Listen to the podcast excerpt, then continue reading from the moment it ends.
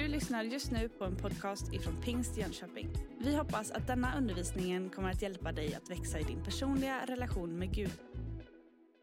Jag måste bara på något sätt få eh, ta in den här atmosfären. Du vet, för ett år sedan så hade vi första adventsgudstjänst i den här kyrkan. Då var det restriktioner som gällde att man fick vara max åtta. Så då stod vi här i ett slags avskalat komp och liksom försökte tala till en mikrofon och en kamera och någonstans hoppas att på andra sidan fanns det någon. Och det, det, jag tror att det är svårt att formulera våndan som pastor i en kyrka när man inte får möta församlingen. Och att någonstans bara få se det här rummet så här välfyllt idag. Det är någon slags sån här bara underbar känsla. Tack för att du är här. Och tack för att Gud håller sin hand över oss mitt i pandemi och elände. Sen känner man ju någonstans ändå, man blir ju taggad av de här trummarna. Jag är fortfarande helt så här, wow vad häftigt vad de liksom trummar på. Och det är ju själavård till alla trummisar att man kan börja en gudstjänst med tio minuter trumsolo och ändå få applåder. Det är liksom så här bara, wow vilken söndag liksom. Vilken grej. Så vi ser fram emot avslutningen, det är bara att gå loss där sen. Vi lever ju i mycket glädje nu, men samtidigt är det lite sådär sordin eller bävan på något sätt. Vart är det egentligen som världen är på väg? Vi eh, lever fortfarande i en pandemi och väldigt många av våra grannländer kämpar otroligt mycket. Och det är någon slags här spänd förväntan, eller fel ord, spänd, lite oro någonstans. Bara, Gud, håll din hand, låt oss få kontrollerat rida ut den här stormen. Den här veckan har ju också varit dramatisk och då tänker jag inte på att Martin Törnberg liksom återvänder till HV71, även om det är säkert är värt att uppmärksamma. Men politiskt har det ju varit en vecka som har förundrat och förvånat och väckt alla möjliga känslor när, ja, ni känner ju till alla de här sakerna som har hänt i veckan. Låt oss be för det. Det är också eh, ganska många situationer där vi har lite bävan för klimatet. Den ena efter den andra. Företag som politiker, som enskild människa känner någonstans bara, vart, vad händer med världen? Det som på något sätt alltid har känts som för evigt börjar nu krypa lite närmare och någonstans kan man ha klimatångesten. Jag tänker att det kan rymmas ganska många känslor i det här rummet. Kanske är det så att du är sådär exalterad över livet för att någonstans mitt i allt det som runt omkring dig är svårt så har ni precis fått ett barn eller någonstans har du fått ett nytt jobb och du känner bara den här wow, vilken glädje. Eller så är du kanske i ett annat livsskede där du precis har fått ett sjukdomsbesked eller andra tuffa omständigheter som gör att livet är lite svårnavigerat. Ganska många gånger i Bibeln så använder man metaforen mörker och ljus. Det är underbart när vi tänder första ljuset. Men ljuset är mycket mer än bara liksom ett stearinljus när Bibeln talar om ljuset. När Bibeln talar om mörker och ljus så handlar det inte bara om att det är lite skiftningar i solljus eller nu är det natt och dag, utan det handlar om våra liv. Att våra liv ibland kan gå igenom tuffa säsonger, när det känns som om livet blir mörkt och livet kan lysas upp. Och vi ska titta lite närmare på det. Det jag märker själv är att jag är mer mörkrädd än vad jag tror. Jag tänker att jag är så 45 år gammal, vuxen, trebarnspappa. Och ändå så tycker jag att det är oerhört otrevligt att gå i mörker. Där vi bor så finns det ett litet motionsspår. Eh, en del människor använder det för att springa och en del av oss eh, promenerar en fin, lugn promenad. Och ibland så händer det att man går där, men man går på fel timma på dygnet som gör att när man är halvvägs i det motionsspåret så blir det svart. Och jag kan i princip varenda liten kurva i det där motionsspåret, så jag skulle nog nästan kunna gå där med bindel för ögonen. Men det blir lite kymigt. Och jag tänker, jag är ju en väldigt muskulös kille, vem skulle kunna över... Liksom, varför skrattar ni för? Det, det här kändes ju inte okej okay alls. I kyrkan ska man faktiskt vara snäll. Men att vara mörkrädd, Det är som att när mörkret kommer så verkar det som i annat fall i ljuset inte alls skulle vara hotfullt faktiskt blir det. Saker som jag i liksom mitt på dagen inte alls uppfattar som svårt kan i mörkret får andra proportioner. Gamla skeppare förr i tiden de tittade på stjärnorna, de navigerade, de hade inte några GPSer, så de navigerade efter stjärnorna och tittade att någonstans fick liksom stjärnhimlen vara ledstjärna för att någonstans hitta rätt i den mörka natten. Lite senare så har vi byggt fyrtorn som på något sätt gav ytterligare hjälp att navigera för att kunna se vart land fanns. Men om man inte har tillgång till ljuset så verkar det vara lätt att navigera fel. Det verkar som att när ljuset försvinner så kommer jag lätt hamna vilse eller till och med kanske hamna i ännu mer problem. Och på samma sätt är det när mitt livsljus, oavsett nu då det yttre ljuset, om det inte är ljust här på insidan, hur, det spelar ingen roll hur många adventsljusstakar jag sätter upp, hur jag överträffar alla på gatan med mina fantastiska juldekorationer liksom i trädgården. Hur ljust det än är där så kommer det aldrig förändra insidan. I Gamla testamentet så ser vi gång på gång hur Israels folk då hela tiden hamnar i problem att navigera. Det är som att Gud ger dem massor med välsignelser, men sen så tappar de bort Gud och så hamnar de lite grann utanför hans plan och konsekvensen blir att de hamnar i massor med problem. Och de har svårt att navigera. Och därför så reste Gud upp olika profeter som talade ut Guds ord till folket så att de skulle fungera som någon slags fyrtorn, hjälpa folket att hitta rätt.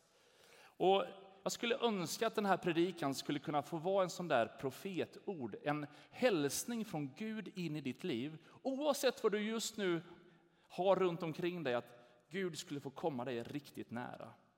Ett av löftena i Gamla testamentet är från Jesaja 9 som lovar och deklarerar att det ska inte vara nattsvart mörker där nu ångest råder.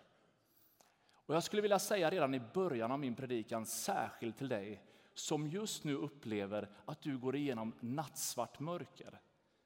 När jag har bett för den här söndagen, när jag har försökt förbereda mig så gott jag kan, så har jag upplevt att du finns här som gör allt du kan för att få sakerna rätt. Men det känns som om livet alltid spelar emot dig. Löftet från himlen är det ska inte förbli nattsvart mörker. Det finns en bortre parentes. Och jag önskar att du den här söndagen skulle få uppleva att Gud kommer dig nära. Ska vi resa oss upp och tillsammans läsa den här texten som vi ändå har som utgångspunkt för den här dagen från Sakaria. Flera hundra år innan Jesus red in i Jerusalem så deklarerade han det här hoppet, detta löfte som sen Jesus uppfyller med sin entré. Och vill du så får du gärna läsa tillsammans med mig. Fröjda dig stort, dotter Sion. Jubla, dotter Jerusalem. Se, din konung kommer till dig, rättfärdig och segerrik är han. Han kommer ödmjuk, ridande på en åsna, på en åsninnas föl. Jag ska ta bort vagnar ur Efraim och hästar ur Jerusalem. Stridens bågar ska bort och han ska tala frid till hedna folken. Hans välde ska nå fram från hav till hav och från floden till jordens ändar. Låt oss be tillsammans. Jesus, jag tackar dig för förmånen att få fira första advent. Tack för att vi får fylla det här rummet med många människor. Och nu bara ber vi dig för hela vårt land. Bevara oss under den här pandemin. Vi ber dig Gud om att coronaviruset skulle få släppa sitt grepp och vi ber dig Herre om extra kraft till alla som jobbar i sjukvården just nu. Herre, vi ber dig Gud att vaccinationsprogrammet ska vara framgångsrikt och att människor ska få bli friska Jesus. Och så ber vi dig att vi skulle kunna få fira gudstjänst i, liksom i full frihet framöver Herre. Vi bara tackar dig för att du ska hålla din hand över oss. Herre, var med Sveriges regering, var med Sveriges riksdag, var med talmannen och allt det som nu händer politiskt på nationell nivå. Herre, vi ber dig Gud om att rättfärdighet skulle få råda och vi ber dig Gud att du skulle lägga till rätta så att landet kan styras och ledas på ett bra sätt. Gud, jag ber dig för alla som är i det här rummet. Du vet precis vad vi är med oss. Människor som är med via internet, Herre. Tack för att du är närvarande där vi är. Tackar dig Gud för att du välsignar resten av den här gudstjänsten i Jesu namn. Amen. Varsågod och slå dig ner. Sakarja han börjar ju väldigt tydligt med att säga jubla, ropa högt.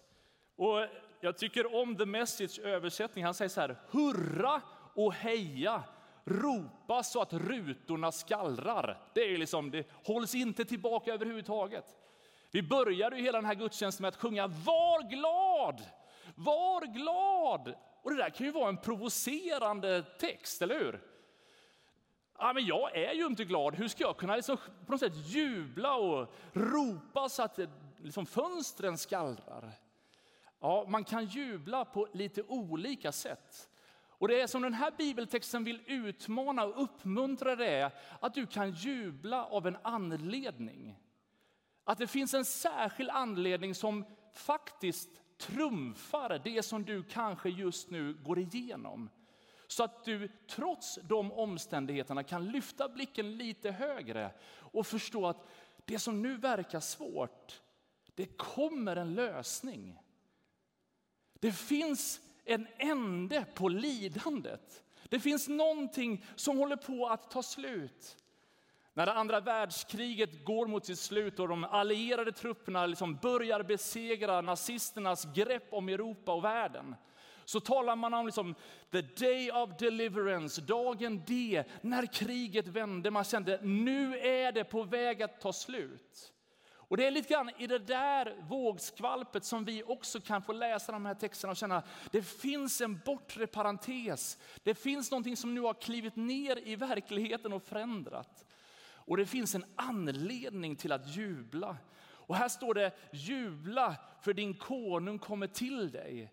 Det finns en anledning till att jubla. Men jubel är ju också en sinnesstämning.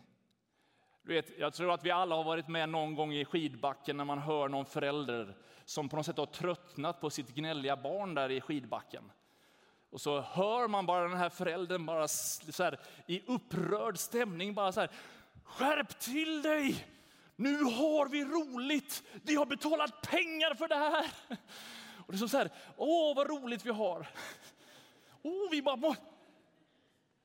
men faktum är att evangeliet inte bara talar om att ha roligt av en anledning, utan att hans närvaro och hans frid kan bli så påtaglig så att den också blir en känsla. Att det inte bara är att jag vill tro, jag vill tro att det är så här, utan det faktiskt kan få ge sinnesro, själsro och någonstans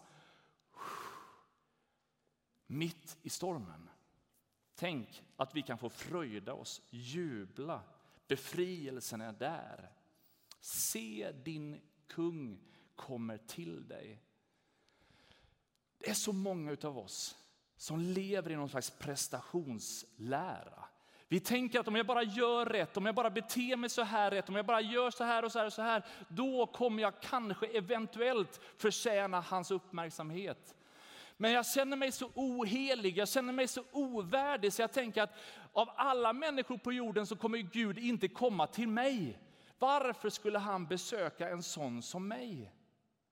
Och jag skulle bara önska att jag fick så här supertydligt dra med stora understrykningspennor på något sätt i att han kommer till dig. Du, innan du ens kunde stava till honom så har han tagit initiativ till dig. Jag älskar evangeliet som säger att innan vi ens kunde göra någonting så bestämde han sig för att i sin kärlek ge sin son till världen. Vi älskar därför att han först har älskat oss. Han har sänt sitt ljus till oss. Och I den här Jesaja-texten kring liksom, på något sätt julevangeliet i gammaltestamentlig form så säger profeten att det folk som vandrar i mörkret ska se ett stort ljus. Över dem som bor i dödsskuggans land ska ljuset stråla fram. O, om du kunde förstå att evangeliet handlar inte så mycket om vad du kan göra, vad du borde göra eller vad du ska göra, utan vad han har gjort för dig. Att han älskar dig så mycket att han gav sitt liv för dig. Så att du skulle få bli av med allt det som tynger dig och att du skulle kunna få uppleva frid. Han kommer till dig. Jag älskar den där stavelsen att din kung kommer till dig.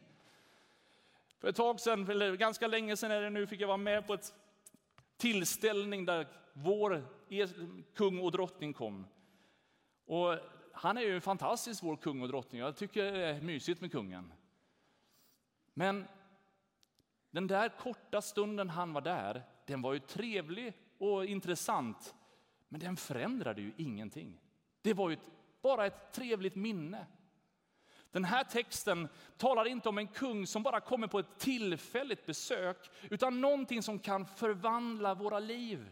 Någonting som faktiskt sätter hela vårt liv i en annan rörelse. Den här texten talar ju till judarna som då var i exil. De levde bortanför sitt land, de var inte på hemmaplan, de levde under en annan kungs auktoritet. Det är nästan lite farligt, det var farligt, att börja tala om en annan kung än den kungen som de just nu var slavar under. Och ändå så säger profeten, din kung kommer till dig. Ett Guds initiativ. Han säger att han är rättfärdig och segerrik och ödmjuk kommer han till oss. Och jag tycker om de här stavelserna på samma sätt. Att när Guds, liksom när han tar initiativ, när Jesus kommer som kung, så kommer han inte med någon slags militärisk makt. Det är inte med mer våld, med mer vapenmakter, med större kärnvapenbomber som Jesus på något sätt kliver in och tar auktoriteten. Utan han är så överlägsen allting annat så att han kommer med ödmjukhet. Han rider inte in på en häst och militäriskt visar med sina soldater, nu tar jag över. Han kommer enkelt på en åsna med några lärjungar som lägger sina mantlar på vägen och bryter palmblad och viftar som flaggor. Han gör det så enkelt. Han går en sån liksom låg nivå för att någonstans visa vägen att hans rike inte är av denna världen. Hans rike är bättre och större. Enkelhet. Men samtidigt så säger han att stridens bågar ska bort. Vagnarna ska bort. Han talar om att kriget ska få ta slut. Du vet, det finns så många arbetsplatser som har massa tjafs i personalgrupperna. Det finns familjer som kämpar med sina relationer. Det finns så många på något sätt kampmoment i livet. Tänk att när Jesus kommer så får någonstans striden ett slut. Det är det som är så härligt att säga kom Jesus, jag behöver dig. Och så står det att han ska tala frid till hedna folken. Jag skulle vilja stanna upp en liten stund kring det där. I Bibelns början så möter vi att i begynnelsen så skapade Gud himmel och jord. Vi tror att hela skapelsen har en mästerlig design. Den har inte bara kommit till av sin slump utan Gud har en tanke med hur han skapade. Men vi märker också att han säger var det ljus och det blev ljus. Så när Gud talar så är det inte bara massa fina ord. Det är inte liksom bara lite vacker grammatik eller ett litet brandtal en stund. Utan när Gud talar så sker det någonting. När han talar så blir det någonting. Så när han talar frid till oss så är det inte bara så här lite trösterikt, lite fint, utan han talar så att det blir frid här inne. Åh, vad jag längtar efter att han skulle få tala mer in i mitt liv. Att hans ord skulle få göra det där verket i mig. För Bibeln säger att hans ord är levande och verksamt. På samma sätt så talar han så att det blir förvandling här på insidan. När Jesus rider in där i Jerusalem så börjar han faktiskt gråta mitt i det där jublande infernot av palmblad. Och så gråter han och så säger han Jerusalem, tänk om du idag förstod vad som gav dig verklig frid. Hemma hos oss brukar vi tända sådana här ibland. Jag vet inte om du ser det där du sitter, men snart tror jag du ser vad det är. Men du vet, vad är verklig frid? Det är så otroligt många saker som vi kan göra som för en liten stund fångar vår uppmärksamhet. Som för en liten stund får oss att skingra tankarna någonstans och fascineras av ett tomtebloss. Det finns vissa situationer som ibland blir lite mysiga och lite för stunden härliga. Saker som vi kan baka eller saker som vi kan sjunga, människor vi kan umgås med men som sen går hem. Och trots allt det där mysiga som vi alldeles nyss fascinerades av så känns livet inte riktigt fyllt utav frid och mening. Den här första adventsgudstjänsten är inte ännu ett tomtebloss. Utan det är en hälsning till dig att du kan få ta till dig kungen. Kungen kan få komma till dig så att den friden han vill tala får fylla ditt hjärta. Inte bara som ett tomtebloss utan som en livsförvandlande situation. Jag pratade med en man häromdagen som går igenom en cancerbehandling. En tuff situation med många frågetecken. Det finns all anledning att vara orolig, finns all anledning att någonstans känna vånda för alla de stegen som ligger framför. Men någonstans mitt i oron och osäkerheten så finns det någon slags frid som övergår alla tankar. Och det är precis det här som någonstans den här texten egentligen säger. Om du djupdyker i ordet att han talar frid så kan man översätta det med shalom. En temaord genom hela Bibeln som en helhet. Och definitionen av det ordet det är att ha frid, befinna sig väl, bli glad, vänlig. Det handlar om välfärd, hälsa, fred, vila, att vara trygg, att bli hel, att bli oskadd, att bli sund.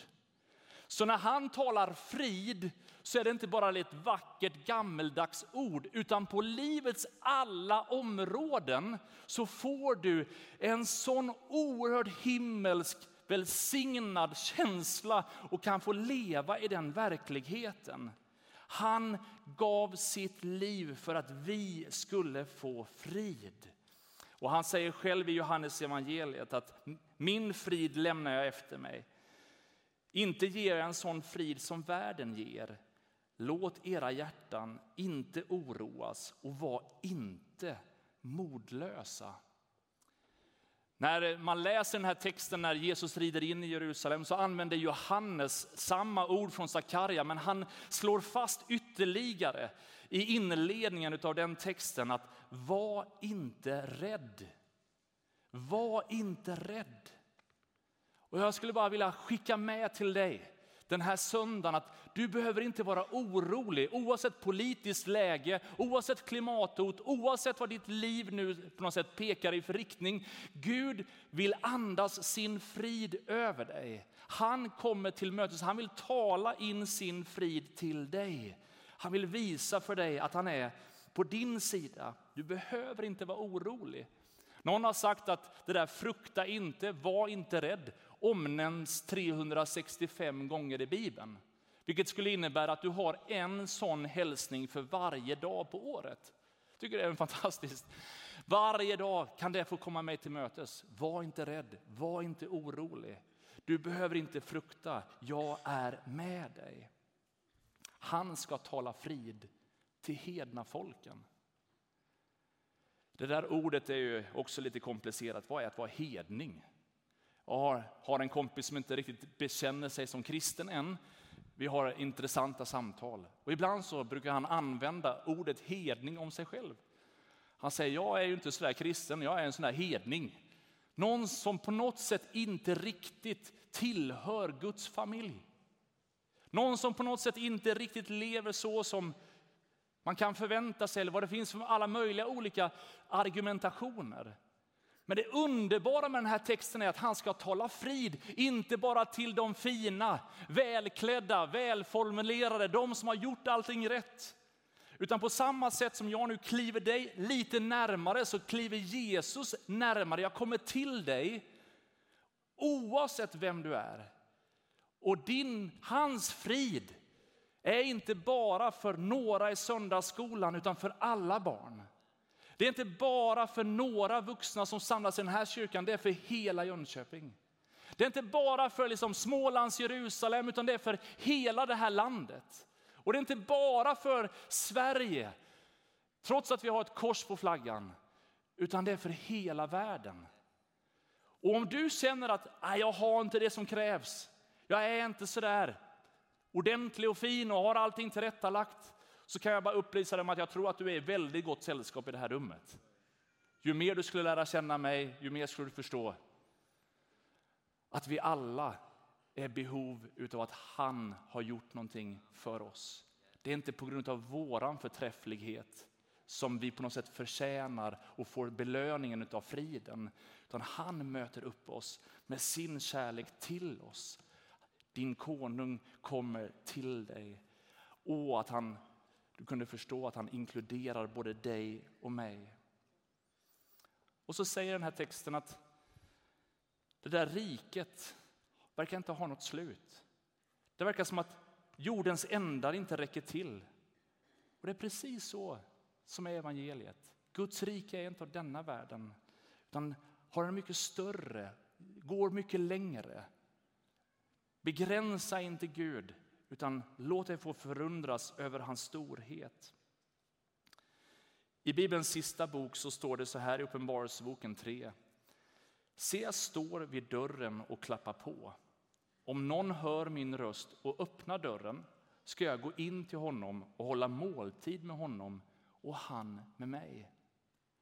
Din konung kommer till dig. Din konung kommer till dig. Han vill stå där och han knackar på dörren och säger jag vill fira måltid med dig. På samma sätt som den där bibeltexten adresseras till församling, att någonstans Gud vill kliva in i sin församling, Gud vill vara nära sin församling, så knackar han på varje enskild människas dörr och säger bara, jag vill ge dig min frid. Jag vill tala frid in i ditt liv. Jag vill lära känna dig, jag vill vara nära dig. Och när vi den här söndagen får fira gudstjänst så vill han komma dig till mötes. Men den där dörren är den enda dörren som Jesus själv inte kan öppna. Av allt han kan, av all hans allmakt ger honom, så kan han inte öppna din hjärtas dörr. Du måste själv säga, okej, okay, kungen, du är välkommen till mig. Allt det där himmelskt goda finns redo för dig. Frågan är ifall du vill ta emot det. Du har just lyssnat på en podcast ifrån Pingst Jönköping. För att få reda på mer om vilka vi är och vad som händer i vår kyrka så kan du gå in på pingstjonkoping.se eller följa oss på sociala medier via pingstjkpg.